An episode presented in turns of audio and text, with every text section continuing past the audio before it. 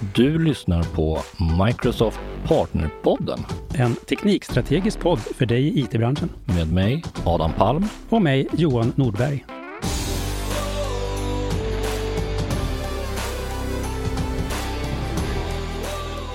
Hej! Sådär då. Hej och varmt välkomna tillbaka till typ episod, kan det vara 99 nu Johan? Du, nu har vi spelat in så mycket den här veckan så nu vet jag inte riktigt vad det här faktiskt blir i slutändan. Det kanske blir 101. det kan det mycket väl bli, ja. Ja, vi får se. Vi är så I produktiva. alla fall, i alla fall. Jag och Johan är här som vanligt och idag så har vi självklart en gäst som också heter Adam, som jobbar på LinkedIn. Varmt välkommen, Tack så jättemycket. Skönt att vara här i dubblett. eller hur? Du Adam, eh, berätta lite vem du är och vad du jobbar med. Ja, exakt. Så jättekul att vara här och få prata med er idag. Jag heter då Adam Mushika Nors. Jag jobbar som eh, Principal Customer Success Manager på LinkedIn på vårt Stockholmskontor. Eh, på Stockholmskontoret är det en- av LinkedIns mindre kontor i världen. Vi är cirka 50 anställda och eh, jag jobbar specifikt med våra hiring-produkter. Så jag hjälper våra kunder med hur de kan jobba mer effektivt med recruiter, jobb, karriärsida, talent insights och alla sådana trevliga produkter. Spännande. Hur länge har du jobbat på LinkedIn och hur kommer det sig att du började jobba där? Jag fick faktiskt ett inmail från LinkedIn eh, lite mer än fem år sedan. Så det är på den vägen det är. Så jag tycker det är jättekul att LinkedIn använder sina egna produkter för, för, för att faktiskt dra in sina anställda. Så det var så det började. Men var du liksom en employer branding ambassadör på LinkedIn och de bara fan den här killen måste vi Nej, absolut inte. Jag känner att de flesta har väl typ en relation med LinkedIn idag. eh, Eller då Ja. också, som för fem år sedan. Men eh, så jag visste bara att det Var det stor skillnad menar du? eh, på att vara här och vara utanför. Nej nej på LinkedIn idag kontra fem år sedan Absolut. Eh, Ja det det Ja, det känns som den här Microsoft acquisition har gått mer och mer hårt så det kanske är lite mer corporate nu jämfört med när Ja. jag började. Ja, Okej, Ja. okej Och du, eh, du jag, jag gillar ditt efternamn Jag kommer inte försöka uttala det Men jag gillar det Tack. Var kommer det ifrån? Det kommer från min eh, make som är från Venezuela, Ah, så det är ett okej. dubbelnamn. Så mitt namn är Nors, som är ett gammalt eh, småländskt namn, så det är därifrån jag kommer ursprungligen. Kul! Välkommen hit! Tack.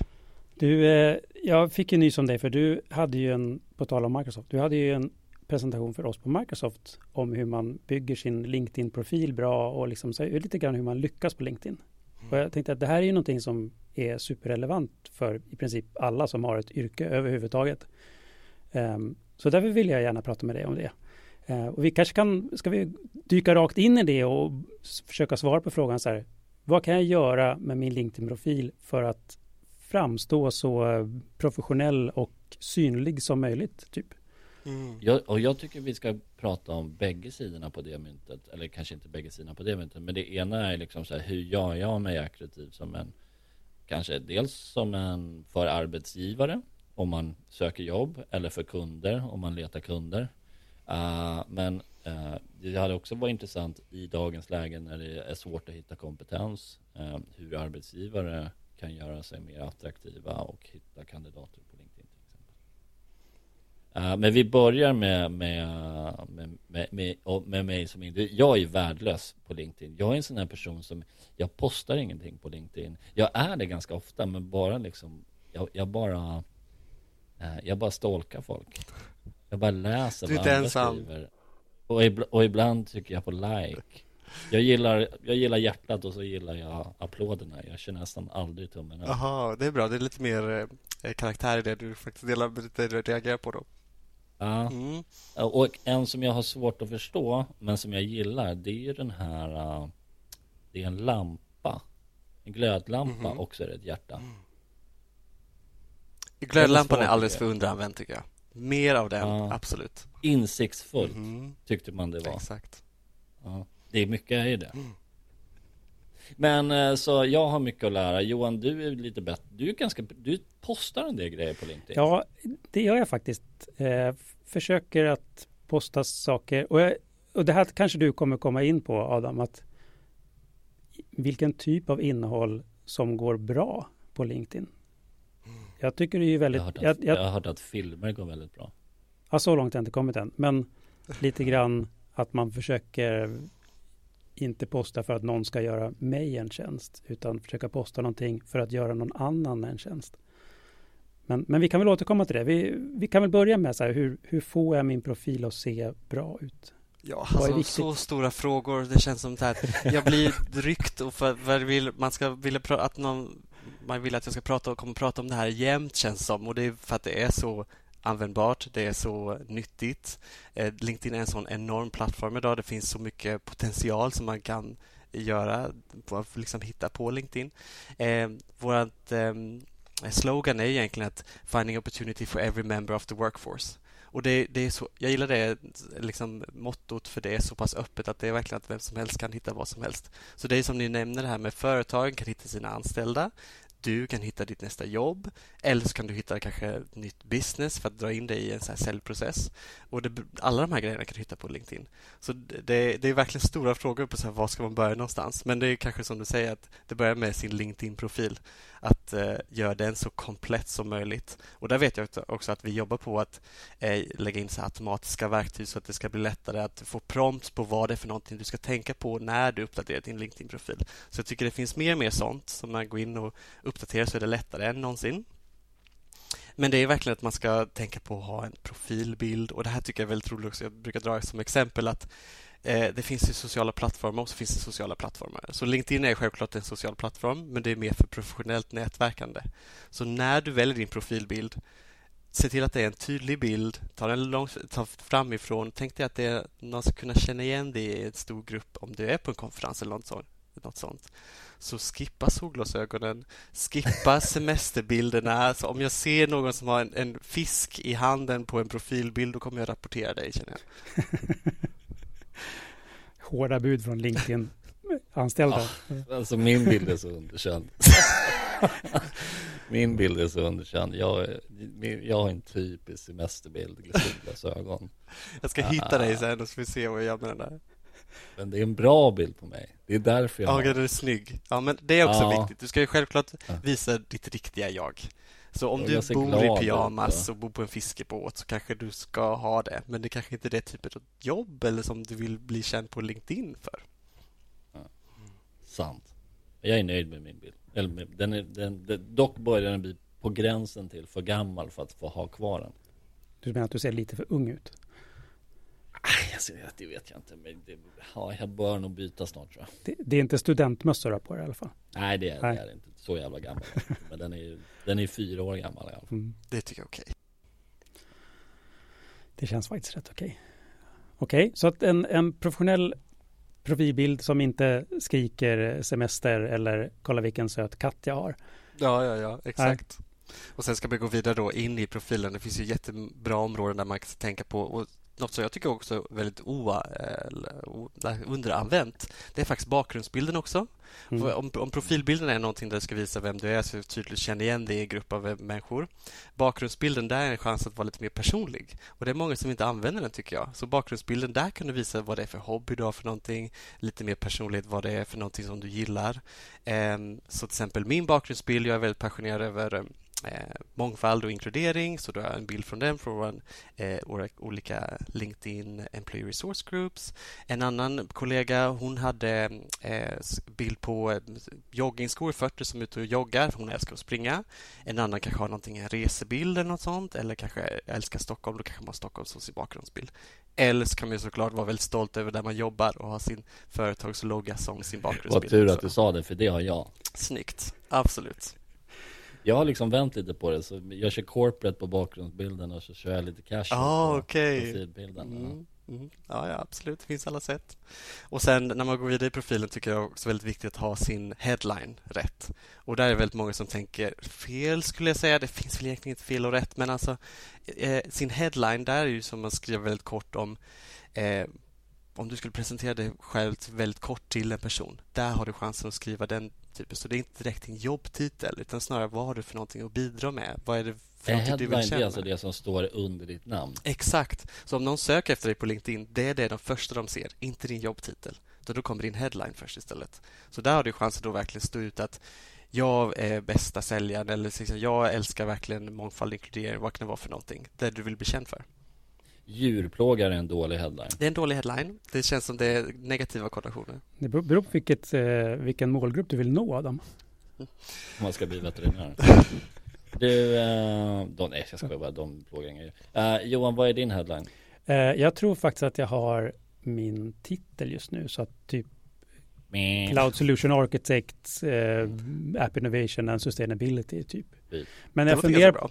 Eller då? Ja, men den kanske är tydlig, men jag också Alltså, mer inne... Cloud Technology Strategist. Det, ja, det, är inte, det är inte helt och hållet min titel, men det är ändå det jag gör. Så jag tycker ändå, jag, jag tycker den är bra. jag börjar gå mer och mer in på att istället för att liksom, även när man presenterar sig, istället för att förklara vad 17 det är man vad man gör just nu, typ så här, jag är webbutvecklare eller jag är cloud solution, att försöka hitta mer Men sitt du- mission Johan, statement du som, på något sätt. Du som jobbar så mycket med sustainability-frågor, det ska ju vara din headline. Ja, men det, ja, Ingenting annat. Ja, men jag skulle mer vilja ha något så här som är min, mer min passion än min yrkesroll eller min, min dagliga sak jag gör. Typ. Så Johan Norberg, sustainable. Stabil person, stable. Ja. Men jag, skulle, jag är lite, lite sugen på att byta typ så här. Jag, jag, jag eh, har, löser eh, problem med teknik. Som är lite mer generellt. Det Ja. spelar inte roll vart, det spelar Ja. ingen roll vart jag är någonstans riktigt. Jag kan få, Jag kan ju uppleva att många har rätt pretentiösa headlines. Ja. Och det är någonting som nästan irriterar mig. Men det är kanske jag som är töntig. Berätta lite Ibland, mer. Jag är det ganska ofta så att Utveckla. Nej men alltså för, jag vet inte, jag tycker folk, de tar, de tar i lite väl mycket på sin headline tycker jag. Mhm, mm. Och då kan jag tycka att det kanske blir nästan lite cringe. Uh, jag vet. Men jag förstår Jag det också. Men det är som sagt att det är det första som syns när de söker efter dig. Så det, som du nämnde innan också, det finns många stalkers ute på LinkedIn som går runt och tittar på folk och då får man ett jättelångt sökresultat på någon som gör ett specifikt jobb. Eh, och då ser man verkligen headlinen först. Så det är ett väldigt snabbt sätt att sticka ut och verkligen få ett budskap genom den här eh, eh, like, mängden av information. mm. Ja. Ja. Vi- Johan, jag tyckte du var inne på en spännande sak och det är så här, hur gör man liksom hur, hur gör man ringar på vattnet? Eh, ja, och det känns ju som många har liksom recept på så här, hur de postar saker. Någonting som verkar vara liksom oändligt populärt Det är ju att man liksom Man skriver någonting och sen måste man liksom Man ser typ en mening och sen måste man trycka på visa mer för att se resten. Eh, Det verkar vara ett sätt. Video har jag hört ska vara otroligt framgångsrikt Så istället för att skriva någonting så spelar man in en kort videofilm. Finns det? Jag förstår att så det Innehållet på det man skriver är ju det absolut viktigaste. Men ibland så känns det som Kanske inte jag då eftersom jag inte skriver speciellt mycket Men jag kan tänka sig som Kanske Johan då om vi tar hans Han kan ändå skriva bra grejer men han sa det är så här, Nu vet inte jag hur många som ser dina grejer Johan Men ibland kan jag känna så här Det är oförtjänt få som interagerar med ditt inlägg. Det var ändå bra.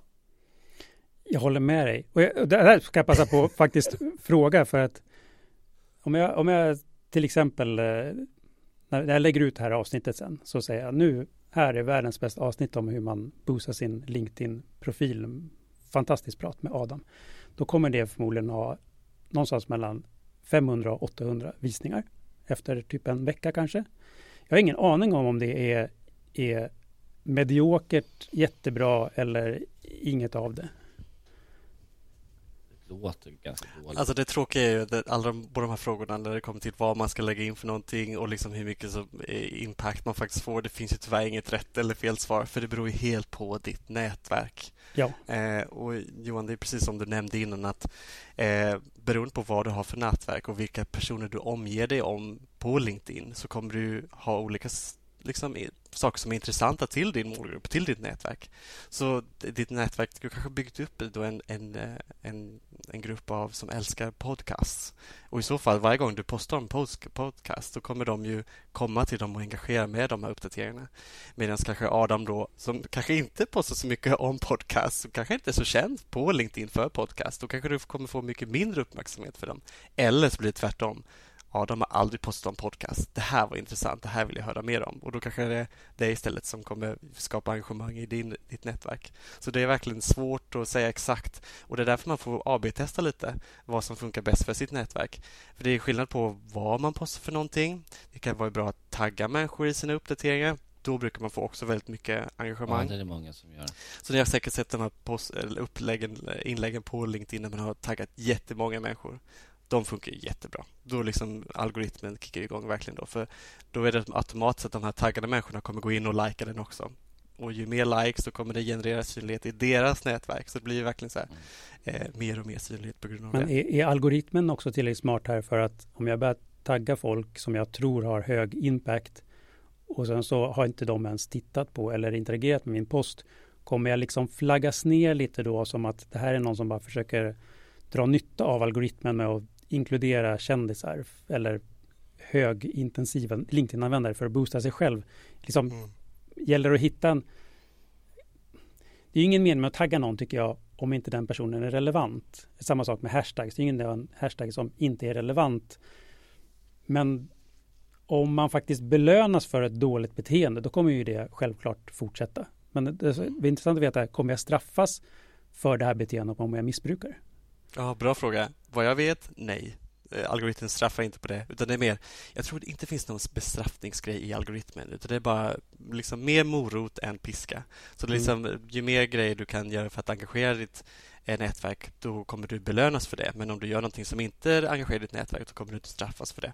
Så jag Nej. tror det är mer att tagga folk som såklart är eh, som du kanske känner och då om du känner de här då kommer de likea och kommentera på ditt eh, inlägg och då kommer det skapa mer engagemang. Så om mm. du taggar någon som, eh, som du känner i ditt nätverk som har många följare eh, än du taggar Oprah som har ännu fler. Och Oprah känner inte dig alls. Hon kommer inte engagera med ditt eh, inlägg. Då kommer det nog inte hända något speciellt med inlägget heller.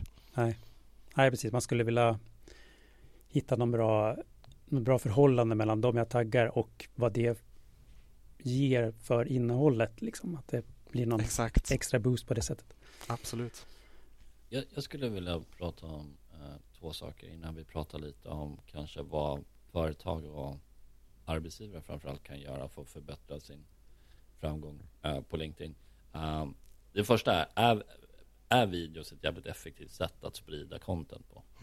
Ja, det är det absolut. Det, det är det jag brukar rekommendera också. Att det, och det är ju så här generell social media-trend skulle jag säga och bara hur vi interagerar med sociala medier idag. Så fort 12 sekunder bara. Exakt, så fort någonting börjar rulla på en gång då dras man in och man liksom vill se vad som händer näst. Det är mycket lättare att bara Eh, hoppa för vidare om det är en text eller en bild. Något. bild ser man väldigt snabbt. Det är också väldigt engagerande. Men video som börjar kicka igång på en gång, då dras man in. Och där tycker jag personligen att med, med video att det är extremt viktigt att man har text på sin video. Så att man inte behöver slå på ljudet för att förstå vad sjutton handlar om. Ja, jättebra tips. Absolut. Wow. Vet du vad jag ska göra Johan? Nej. Jag postar ju aldrig på LinkedIn. Jag postar inte ens om vår podcast på LinkedIn. Nej. Men, men idag eller när det här nu släpps, då ska jag göra en video. Oh. Med text. Wow. Och så ska vi se vad det kanske blir ett jävla uppsving för min LinkedIn. Kanske blir, nu, det är nu du börjar trenda på LinkedIn. Exakt. Mm. Det som är häftigt det liknar som andra sociala plattformar. Att jag för mig det kan komma upp ett meddelande i folks telefoner att nu har Adam lagt Bing. upp någonting. Och då kommer det drivas... Video. Ja, ja, precis. Och då är det bara, jaha, de har inte lagt upp någonting på länge. Då vill jag gå och se vad det är för någonting. Mm. Han har aldrig lagt upp någonting. Undrar vad det här är. En, en, en annan sak som jag brukar försöka tänka på med speciellt LinkedIn, det är att, som jag liksom har hört många YouTubers säga, att, att posta med regelbundenhet. Så att vår podd kommer ju ut på måndag eftermiddagar. Klockan, det här är ett Easter egg, alltid klockan 13.37 som gamla game, gamerkulturen med 13.37 Elite. Uh, ja. Så att jag försöker alltid wow. posta det i ungefär samma tid också. Eh, det har jag hört från YouTube är bra tips. Man har liksom sa, samma kadens. Ja, jag håller med. Det regelbundenheten är också en nyckel, det är det vi sett i algoritmen också. Regelbundenheten, men återigen att testa vad är som funkar bäst för ditt nätverk. För liksom om du har bott utomlands så kanske du har bott i USA kanske du har mycket folk i ditt nätverk som befinner sig i en helt annan tidszon. Så då om du lägger upp någonting morgonen svensk tid då är det mitt i natten där borta så då kommer inte de kunna engagera sig med din, ditt inlägg förrän de vaknar. Så det beror helt på var ditt nätverk befinner sig också. Så det kan vara mm. olika för olika personer. Och här kanske jag faktiskt borde testa och ändra, göra det tidigt tisdag morgon istället. För att jag tror att många lyssnar på den just när de pendlar. Mm. Så istället att ha det liksom mitt på måndag eftermiddagen middagen när man börjar fundera på vad sjutton ska man äta ikväll då. Så blir det snarare precis lagom efter frukosten när man ska sätta sig på bussen.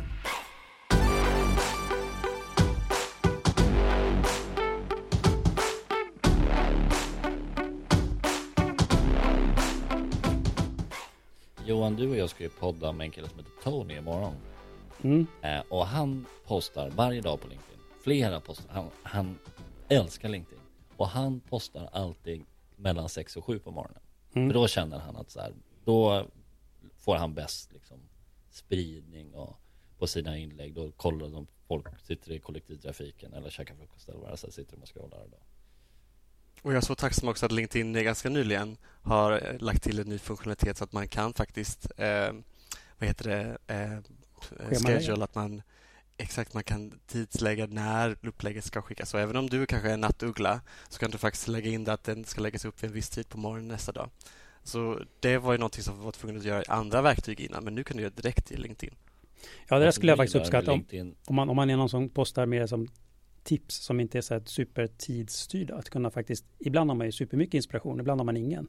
Kunna, okej, okay, idag, idag känner jag mig på hugget, så nu lägger jag upp tio stycken saker på en gång, fast jag sprider ut dem över tid. Då är ju det här verktyget fantastiskt. Någonting som, jag vet inte om det här är nytt eller om jag bara är disträ eller om de liksom bara har flyttat på uh, vart man vart man ändrar i själva applikationen det är ju att man kan ställa in hur man vill se sitt flöde om man vill ha det sorterat på relevans eller om man bara vill ha det i tidsordning. Liksom. Absolut, det är också det är alldeles und för underanvänt eh, verktyg skulle jag säga. Man kan ju faktiskt gå in och justera sitt nyhetsflöde och det är många som bara känner att ah, det här är så irrelevant, varför får jag upp de här inläggen? Du kan faktiskt gå in och justera det själv, så det finns ingen ursäkt att göra ditt eh, eh nyhetsflöde mycket mer relevant för dig om du vill. Eh, en, en sista sak innan vi går in på, på arbetsgivare eller på företag med uh, social selling. Uh, det, det, är inte så att det är någonting som är nytt utan det har ju pratats om på LinkedIn en ganska lång tid. Um, och det finns uh, finns en ganska stor grupp människor som liksom pushar väldigt hårt för social selling. De säger så här, men det är, liksom, det är det nya svart. Eh, det finns liksom ingenting som heter cold calling längre eller man kan liksom inte den typen av försäljning är liksom lite förlegad. Va, vad är din åsikt om det här Adam? Eh, är liksom är det bara, är, är det social selling som gäller nu? På social selling på vilket sätt just att man ska bygga sitt eget personliga varumärke online. Ja men precis och liksom att man ska skapa liksom content som är relevant. Uh, för då kommer liksom de som är intresserade av liksom din tjänst eller din produkt kommer att se det. Du kommer få liksom bättre spridning. Det känns som att så här, det, det, eh, ibland så uttrycktes det som att det är en hygienfaktor idag om du ska liksom lyckas med försäljning. Jag håller helt med. Och liksom LinkedIn är en så himla stark plattform där det händer mycket företagsamhet. Så, och vad det är för att eh, du är en chef eller någon inköpare eller vad det är för någonting du säljer så är ju verkligen LinkedIn ett platt, en plattform som du kan göra så mycket eh, inverkan att du verkligen får ut vad du behöver därifrån. Så jag vet att vi har någon statistik på LinkedIn som säger att fyra av fem medlemmar på LinkedIn de är faktiskt drivande bakom olika företagsbeslut. Så fyra utav fem. Det är en enorm siffra. Du har verkligen ett synlighet på LinkedIn och att du vet, folk känner till dig kommer hjälpa dig vara mer framgångsrik när det kommer till ditt jobb faktiskt. Att kunna hitta någon att sälja till. Eh, och sen den här köpkraften på de som har LinkedIn-profiler. Den är också två gånger så stor jämfört med andra eh, online-plattformar. Så det är mycket viktiga personer som man vill kunna påverka på något sätt och då är social selling väldigt viktigt det är inget, det är inget jag sysslar med. Det kanske också är en sån här sak som jag måste börja med då helt enkelt. Ja, men du och jag kanske inte är sådär supersäljiga av oss, vare sig i vår yrkesroll eller i, i vår personlighetsprofil. Ja, jag är ju det. Men jag, tycker, typ, jag tycker det är jättebra poäng annars. För så, man ska ju... Det är typ den enda kvaliteten jag har Johan. Ja, och den har inte jag ens märkt. Att man ska vara autentisk på LinkedIn. Så det är på tal om så här, vem är ni egentligen? Det är det viktigaste, att hitta sin egen röst. Och sen kan det ju faktiskt vara på att en social plattform som LinkedIn så kan man utge sig från att vara en annan typ av person än den man brukar vara i vardagen kanske. Så du kan ju verkligen bygga din egen profil, ditt egna varumärke på plattformen. Ja, och det kanske faktiskt inte behöver vara så att man, man visar sin personlighet utan man, man, vis, man visar snarare en, en persona. Mm. Så att man, Exakt. På LinkedIn så att folk är där mest för jobbrelaterade professionella saker. De är inte intresserade av min fisketur. Så att jag kan verkligen välja att visa, här är liksom bara min professional Johan som specifikt är superintresserad av teknik. Eh, och det är det som folk förmodligen blir intresserade av om de är intresserade. Mm. Inte vad jag gör på fritiden i övrigt. Om det inte också är relevant för din eh, online, alltså din, eh, ditt Det skulle varumärke på. LinkedIn. Du ju ha lärt dig något väldigt stor läxa av den här fisketuren. Då kanske Mm. det är intressant för ditt nätverk att få reda på det. Sant. Alltså när du satt och fnulade på någonting. Exakt. Man fick Precis. en geniblixt liksom. Jag gjorde en, eh, ett AI-baserat fiskespö helt plötsligt. Ja. Som automatiskt kan posta vikten på LinkedIn på fisken jag drog upp. Du ser. Det är säkert någon som, någon, någon skulle gilla den. Någon. Ja. Ehm, om, vi, eh, om vi pratar lite om ehm, företag eh, och um, där vi, jag och Johan, den här podden vi kallar Microsoft Partnerpodden för våra partners. Alla kan konsumera den. Eh, men, och kompetensfrågan idag eh, är ju en, en svår nöt att knäcka det är må- många som letar efter, det, det är helt enkelt svårt att hitta kompetens för våra företag. Eh, och LinkedIn tror jag är nog den bästa plattformen att nå ut till potentiella kandidater men även liksom att marknadsföra sitt företag. Eh, vad är liksom de vanligaste liksom misstagen? Eller inte misstagen, men vad är det, vad är det liksom företag missar när det kommer till att dels ja, men allt ifrån liksom posta jobbannonser eh, till eh, sprida jobbannonser till liksom skapa en digital profil som ser attraktiv ut vad det nu kan tänkas vara för typer av saker man bör tänka på. Ja, jättestor fråga verkligen. Det känns som eh, man unders, eh, underskattar hur mycket passiva kandidater det finns där ute. Och jag tycker det är väldigt viktigt för företag att komma ihåg att visst, man kan få många ansökningar på ett jobb, men kan man vara säker på att det är den bästa, bästa personen som faktiskt ansökt till jobbet? Det, det, LinkedIn är en fantastisk plattform för att nå ut till de här passiva. Och det är, jag kommer inte ihåg procentsatsen just nu om det är 30 eller 40 procent av eh, personer på LinkedIn, de är öppna för förslag från potentiella arbets- arbetsgivare att de är nöjda de är just idag, men om, för, om, om rätt kan, typ av eh, förslag kommer deras väg, då kan de tänka sig att byta företag.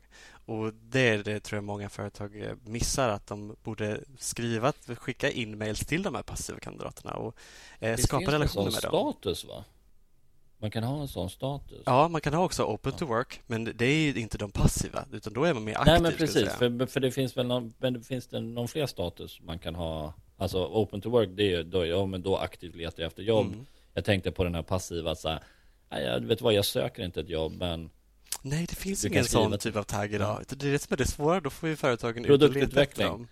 Ja. vi, ska lyfta, vi kan lyfta det till produktteamet sen Mm. Det finns ju däremot, man kan faktiskt aktivera så att man är, jo, du har nog rätt. Synbar kan man vara Men man kan ställa in att man är, vill bli kontaktad av rekryterare, men man aktiverar inte open to work. Så det finns faktiskt en synlighet inom sin profil. Du har helt rätt. Att man kan säga så här, mm, kontakta mig, men ingen annan ska se om man inte har en recruiter-licens. Ja precis, för då behöver man ha en recruiter-licens Mm. Så det är ett företag behöver ha Och vad är en recruiterlicens? Ja, eh, så det är den produkten jag jobbar med. Och Det är egentligen att företag köper en, en recruiterlicens för att funna, kunna få tillgång till alla oss som har LinkedIn-profiler. Eh, så då kan du söka obegränsat. Så om, eh, om du Adam sitter och eh, känner att du är en stalker och kollar efter folk. Det finns en begränsning på hur många du faktiskt kan se på LinkedIn. Men om du har en recruiter-licens, eh, då kan du se alla på plattformen. Då är dammluckorna öppna. Eh, För jag vet att jag brukar, man brukar få en sån här statistik, typ så här, du visades så här många gånger i sökningar? Är det, är det oftast den typen av är det recruiters som gör dem? Det står aldrig vem, det står bara vilka företag de representerar. Typ. Jag tror det är en blandning av både och. Så om du inte har en premiumprofil då kan du se, då kan du inte se allihopa som har tittat på dig. Men jag vet också att med recruiter där kan du vara helt anonym att titta på profiler utan att de vet eh, vem du är. Ah, okay. Så, och, eh, så det är ett en grej. Ett bra, Exakt. Det är en bra grej. Jag tycker det är väldigt Recruiter. viktigt också. Och, är det, och den licensen, den köper man per användare? Eller ja, är det är liksom... per licens. Exakt. Um, så om man är intresserad av att köpa Recruiter då vet jag att vi har, man kan söka online efter det kommer kontakt med LinkedIn och det kommer kontaktas med en säljare som kommer matcha företaget med typer av behov de behöver. Så då köper man en licens per varje person som behöver ha en sökning eller kunna söka efter personer på LinkedIn och också kunna kontakta dem. Så kunna skicka obegränsat, så gott som obegränsat med inmails. Ja, och då behöver man liksom aktivt skriva och sträcka ut handen till folk. Ja, och sen håller vi på att baka in mer, ja, mer AI-funktionaliteter. Så vi försöker ju automatisera så mycket som möjligt att eh, kunna skriva de här inmailsen åt dig när du skriver till en person. Så redan det börjar vi så automatisera mer möjligt. Mer som för att kunna göra det så automatiskt som möjligt. Jag har ett, jag har, jag har ett jättebra tips till folk som köper en recruiter-licens och skickar in mail till folk. Uh, för ibland har man en känsla att man vill göra det lite personligt. Liksom. Man vill att det här ska inte kännas som ett massutskick. Uh, men skriv rätt namn. Uh, det är jättebra. Det är för bra tips. Jag, ja, för jag flera gånger har folk skrivit till mig så skriver så här Hej Tobias. Så sen, va? Åh, oh, vilken burn. och på tal om att man märker att det är copy-paste, jag fick alldeles nyss också en som bara, har du tid att ta en kaffe i september? Ja, jo, det, det är långt bort. Men, men absolut. Så att, eh, ja. Jag tycker också det är ja. intressant med rekryterare som, för jag, på tal om det här med att de har visat att man är öppen för, för arbete eller inte. Jag hade en ganska lång period så uttryckligen första raden i min beskrivning på LinkedIn att jag inte är intresserad av anställningar. Um, Ska aldrig säga aldrig. Och en, nej, exakt. Det gäller att rätt person frågar. Um, men en, ändå så fick man erbjudanden hela tiden. Så det känns som att det, ibland är det svårare att, att bli av med dem än att lyckas få någon som är intresserad av en. Men det kanske också är en del av kraften av men LinkedIn. Jag, men, men, jag tror så här Johan. De gör bara sitt jobb. Ja, det är ett svårt jobb. Det måste vara ett jättesvårt jobb. Ja. Och vem vet? Vi kanske har någonting att erbjuda som Alltså vilken attraktionskraft att få massa inmails. Det är hur eh, roligt som helst. Men jag förstår om man blir bombarderad hela tiden, då kanske man känner sig lite för populär. Och jag svarar alltid på mina inmails. Det är jag också. Bra, och det jag skulle också rekommendera om ni får många inmails, ge feedback också. För det har jag också mm. fått, att jag fått ett inmail som var jättekonstigt. Då har jag skrivit tillbaka till dem. Här är ett litet tips på vad du kan skriva nästa gång. Mm. Jag är mm. inte intresserad just nu, men tänk på det här nästa gång du skriver till någon. Så länge de skriver rätt namn så Det är en bra start. jag tror att, ja. En sak som jag uppskattar när det kommer i som, så här jobbförfrågningar, det är att jag tycker att det är så mycket trevligare om det är en person på företaget som hör av sig. Typ vdn eller någon som jobbar i som team, att man, de söker någon folk till, än att det är någon ofta brittisk rekryterare som försöker rekrytera till svenska arbetsplatser utan att ens kunna säga vilket företag det gäller. Alltså den här podden kommer, det bli, det är, Johan du, det är något drev. Du gillar verkligen inte folk som jobbar med rekrytering. jo, alltså, ja, ja, nej, ja. De är, vissa är ganska jobbiga faktiskt ibland. Ja, jag tror att man behöver vara Men det, det kanske också är, det, det är ofta, åtminstone för de jobb som jag blir liksom pushade på, så är det det är ofta brittiska rekryterare och de kanske har liksom, det är kanske någon liten kulturkock där också. För det, det är liksom inte så här, de börjar inte med att fråga så här, är det här intressant? Utan de säger så här, vilken tid passar det att jag ringer? Ja. Bara, never, how about never? It's never good for you. Det är kul att du säger det också, för det är det tipset vi... Det är väldigt, vi har bra instruktioner från LinkedIn när det kommer till vad man ska tänka på när man, skri, vad man skriver ett inmails. Då är det egentligen tre olika saker. Att man ska göra det om kandidaten, så först ska de ju flörta med dig, varför du har en så fantastisk profil. Sen är det om jobbet, eller den, det de erbjuder, så liksom gör det så smickrande som möjligt. Och den tredje saken är en call to action. Så vad är nästa mm. steg? Så ja. det är kul då att de faktiskt säger det nästa så här, när kan jag höra av mig till dig? Så ja. det är något vi rekommenderar. Sorry att det inte landat rätt. ja, det, det så? Jag tycker att det är toppen. Gör du? Att de bara förutsätter att du vill prata med dem så att de så här, det är inte ens fråga om, utan det är bara Ja. vilken tid ska jag ringa? Ja. Ja, okej. Ja, ja. Ge dem inget val. Ge, inget utrymme för att säga nej. Nej, ja, okej. För att du är säljare ändå. 100 procent. Nej, Ja. nej men skämt åsido. Nej men, ehm, ja men inmail. Jag, jag, ehm, jag, jag, jag får, jag vet inte vad många inmails är, men jag, jag får, låt säga att jag får ett par i veckan i alla fall. Eh, och ehm, jag tycker ändå att de flesta liksom är välskrivna, välformulerade, folk är artiga. Eh, och jag brukar alltid svara. Mm. Det tycker jag är Ah. jättekul att höra också. Bra feedback. För jag jobbar ju med det här verkligen dagligen. Så det är jättekul att höra att eh, du de får bra respons. Och, Ja. och något jag gillar, det är att folk brukar skriva att så här, om det här är inte intressant för dig, du kanske känner någon som det här skulle vara intressant för. Och jag menar, hur ofta har man liksom inte en kollega eller en god vän eller någon som liksom letar efter ett jobb eller liksom inte är, är speciellt lycklig med den rollen man har eller någonting. Så det tycker jag också liksom är, det är ett tips jag skulle eh, Jag vill också säga det att ni verkar vara de, den typen av profiler på LinkedIn som är mest hett efter. Det är ju säljare och det är techpers-personer. Så det är kanske inte alla som får lika många e-mails som ni två, men det är jättekul att ni får det i alla fall. Mm. Ja, men jag tycker, jag tycker om när, när rekryterare, att det är uppenbart att de faktiskt har tittat på min profil. Det här är inte ett massutskick till 200 pers som har matchat en, en sökning, utan de har faktiskt tittat och lyfter fram någonting som säger, du är den här grejen som du visade här, eller den här kompetensen, eller det här, det skulle vara superintressant. Och att de beskriver lite grann vilket företag det är. Jag bryr mig mycket mer om vilket företag det är än att de är världsledande. Jag couldn't care less om de är världsledande eller inte faktiskt. Um, och sen så, precis som du Adam, att jag svarar alltid och säger Åh, tack för att du tyckte att jag verkade relevant. Typ.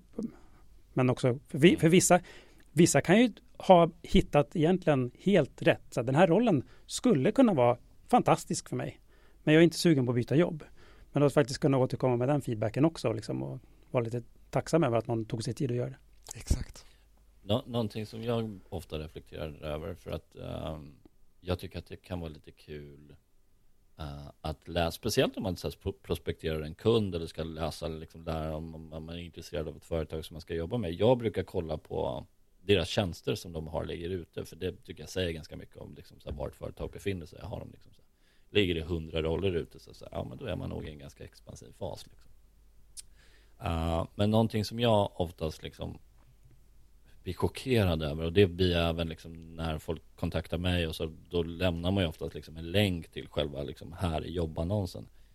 Så det är jobbannonser är horribla att läsa.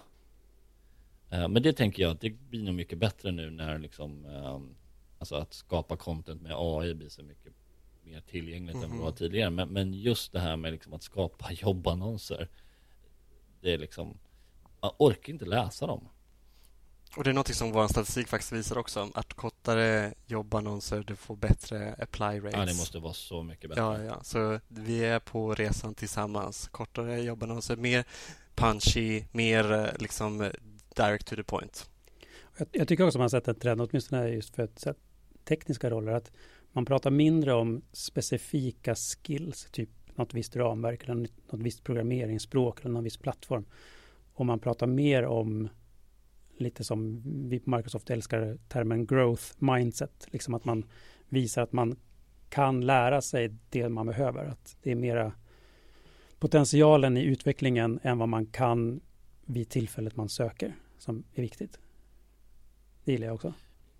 Ja, och så, det, precis. Och det värsta jag vet är nästan när man skriver så här. Du ska ha uh, Fyra här, års universitetsutbildning. 15 års erfarenhet av Next.js. Ja. Och det är så här, det har inte ens funnits 15 Nej. Så det, det, det, det går inte. Nej. Eh, Det, det skulle jag försöka undvika. Men jag vet inte, det kanske man behöver, det kanske man behöver ha i sina jobbannonser. Jag, jag har aldrig skrivit en jobbannons, jag vet inte. Det, det är säkert jättesvårt. Eh, Men ja, tänk på det. Exakt. Och snart AI-genererade i jobbannonser i LinkedIn också. Så det är något vi jobbar på att rulla ut. Mm. Ja. Det låter faktiskt både lockande och superläskigt. Alltså inte, lä- in, inte läskigt som i Skynet utan läskigt som att det kommer komma 400 likadana annonser som inte egentligen säger någonting, men de ser superproffsiga ut. Ja. Mm. Men vi får se, det kanske är överraskande bra. Jag hoppas det, exakt. Det är inte som att all, Okej, alla men, människor i eh, universum är superbra på den där typen av texter heller. Ja, exakt. En annan grej jag tänkte säga bara också med företag, vad de borde tänka på, det är egentligen att eh, prata mer om sitt employer brand på LinkedIn. Jag tycker Mm. det är väldigt många företag som använder LinkedIn för, det är såklart för sälj. Eh, det, det, som jag nämnde, det finns ju övervägande majoritet av våra medlemmar, de är faktiskt med i företagsbesluten. Så det är klart man vill lägga upp inlägg om sina produkter och sånt också. Men glöm inte lägga upp mycket om vad det är för typ av företag ni är. Alltså vad är det för typ av värden? Vad gör ni för någonting? Sådana historier, företagshistorier eller eh, medarbetarhistorier på deras LinkedIn-sidor för att verkligen vad det, ge lite färg bakom vad det är för företag man potentiellt skulle jobba på. Det tror jag många företag har mycket att känna på. Det hade jag uppskattat jättemycket om man liksom fick lära, lära känna företagets personlighet och inte bara en ytan. Liksom. Mhm. Vad, eh, vad har vi mer för ett Så vi har pratat om Recruit, licensen. Eh, Den är bra. Eh, Finns det några liksom mer specifika verktyg som man kan köpa eller? Ja, alltså som företag tycker jag också det är väldigt bra att satsa på jobben. Och då finns det alltså, det finns jobb och så finns det jobb. Så det är två olika typer av jobb på LinkedIn. Som, eh, om man betalar för jobb, då är det som vi kallar för jobbslots. Då är det som en uppsökande algoritm som faktiskt går ut och blir föreslagen till olika personer på LinkedIn. Så be- så beroende på vad du har skrivit i jobbannonsen och vad folk har skrivit i sina profiler så kommer du matchas med jobben som är mer eller mindre releva- mer relevanta till dig. Så det är Men verkligen... är det till exempel, ibland kan man få så här, mail från LinkedIn och så står det typ om en roll från Exakt. företag. Ja. Sådana saker liksom. Ja, och eh, ibland så funkar algoritmen mi- mindre bra. Det är till exempel i mitt fall, mitt jobb, sitter jag och tittar på flera olika jobb från alla olika företag och det är från en sjuksköterska till en software engineer. Så min matchningsalgoritm funkar inte så bra, för det matchar också beroende på vad du gör för någonting på plattformen. Så inte bara vad du faktiskt har skrivit i din profil. Och de här jobben då, det är ett fantastiskt marknadsföringsverktyg. Så de blir föreslagna då till relevanta personer vid rätt tillfälle egentligen. Men är det här också en liten call to action till att jag som, som användare av LinkedIn borde se till att när man kan lägga upp sina kompetenser och få dem validerade av andra. Det blir en väldigt viktig faktor i det här om man tänker att när du söker folk så kan du säga att jag är intresserad av någon som kan .NET och C-sharp och eh, webbplattformar. Att liksom, nästan att det blir en mer indexerade kryssrutevalet blir jätteviktigt i den, den typen av sökning. Ja, det är jätteviktigt att lägga till dina olika kompetenser eller skills då på sin profil. Jätteviktigt för det är någonting som eh, även någon som söker, om det är en medlem som söker efter någon eller rekryterare söker efter det så kommer du komma upp på det. För rekryterare tycker det är jätteviktigt också då att kunna se att folk faktiskt rekommenderar att du kan den här kompetensen. Men det finns också ett, eh, olika typer av assessments som du kan göra för olika kompetenser på LinkedIn. Så för att verkligen verifiera eh, till vem som helst på LinkedIn att de kan se att du kan den här kunskapen så kan man faktiskt göra ett test. Så speciellt för de här eh, olika tech-språken, om det är något sånt, om det är Java eller vad det är, eh, så kan man faktiskt göra olika assessments för att verifiera att man kan den kunskapen. Så det är jättebra då för jobbsökare att kunna visa till rekryterare att jag kan faktiskt det här. Och det är ganska svåra test också, så det är ingenting man fuskar igenom jättelätt. Nej, de, de tar ofta någon, minst en halvtimme, Mm. ibland mer. Jag har sett några av dem. Så det är, ingen, det, är ingen, det är inte hur enkelt som helst. Eh, vi börjar vi har ju redan dragit över Det tiden. är klart. Ja, eh, men jag tänker så här. vi, jag och Johan har babblat så mycket, Adam. Så finns det någonting som du skulle vilja säga som vi har missat när det kommer till antingen liksom hur man bygger sitt eget varumärke eller profil eller företag eller någon annan liksom generellt när det kommer till LinkedIn?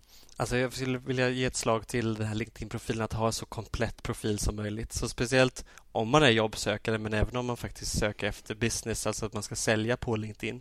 Ju mer komplett profil du har, desto mer eh, eh säker och trygg känns du som en person som jag skulle vilja jobba med. Eh, så verkligen fyll i så mycket som möjligt av profilen. Så fyll i vad, det, vad du jobbar med för någonting, fyll i om du, vilka skolor du har gått på. Och liksom, glöm inte din... Eh, det finns en speciell eh, område på, i början av profilen som heter Summary. Det är där du kan skriva i din elevator pitch. Också jätteviktigt att skriva in där vad du eh, har för eh, aspirations, vad du vill liksom, göra för någonting, om du har några passioner men också vad du kan faktiskt ge till en potentiell arbetsgivare eller till en potentiell kund till exempel, vad du kan sälja till dem. Så verkligen gör en komplett profil som möjligt eh, och jobba mycket med att lägga till skills. För vi på LinkedIn vi fokuserar mer och mer på skills eller kompetenser för att bygga verkligen en bra databas för att kunna ge bättre produkter till dig som medlem men också till våra kunder för att de ska kunna hitta eh, rätt personer på LinkedIn mycket snabbare. Så kompletta profiler är någonting jag verkligen ge ett slag för. Grymt. Uh, du Adam, stort tack för att du tog dig tid och ville vara med och köta lite med oss idag. Uh, jag ser personligen fram emot när jag ska göra mitt inlägg nu. Uh, när jag ska spela in min video Johan. Mm jag, ska jag ska tagga er båda. Gör det. I mitt inlägg. Uh, och så ska vi se vad vi får för statistik. Så kanske vi gör en sequel till det här avsnittet sen. Och då kan vi diskutera just hur det gick. Ja. ja. Sen sån här Aftonbladet rubrik, så gick det sen. Exakt, det låter spännande. LinkedIn-poddarna liksom tio år senare. När jag är LinkedIn uh, celebrity. Det är du och så här, Gary Vanderchuk, eller vad heter han? Jag tänker på han Odd Molly, vad per, heter han? Per Hålknekt. Ja, uh, inte han, han är väl lite så här LinkedIn royalty. Det tror jag. Ja, han har varit ja. på, på vårt kontor och snackat också någon gång, så ja. han är nog en del av familjen. Mm. Uh, grymt. Uh, ha en fortsatt trevlig måndag alla som har lyssnat. Vi hörs om en vecka igen. Tack för idag. Du har lyssnat på Microsoft Partnerpodden, en podd om Microsoft Sverige med mig Adam Palm och mig Johan Nordberg. Som vanligt hittar du länkar och resurser på aka.ms partnerpodden. Maila oss gärna på partnerpodden at microsoft.com.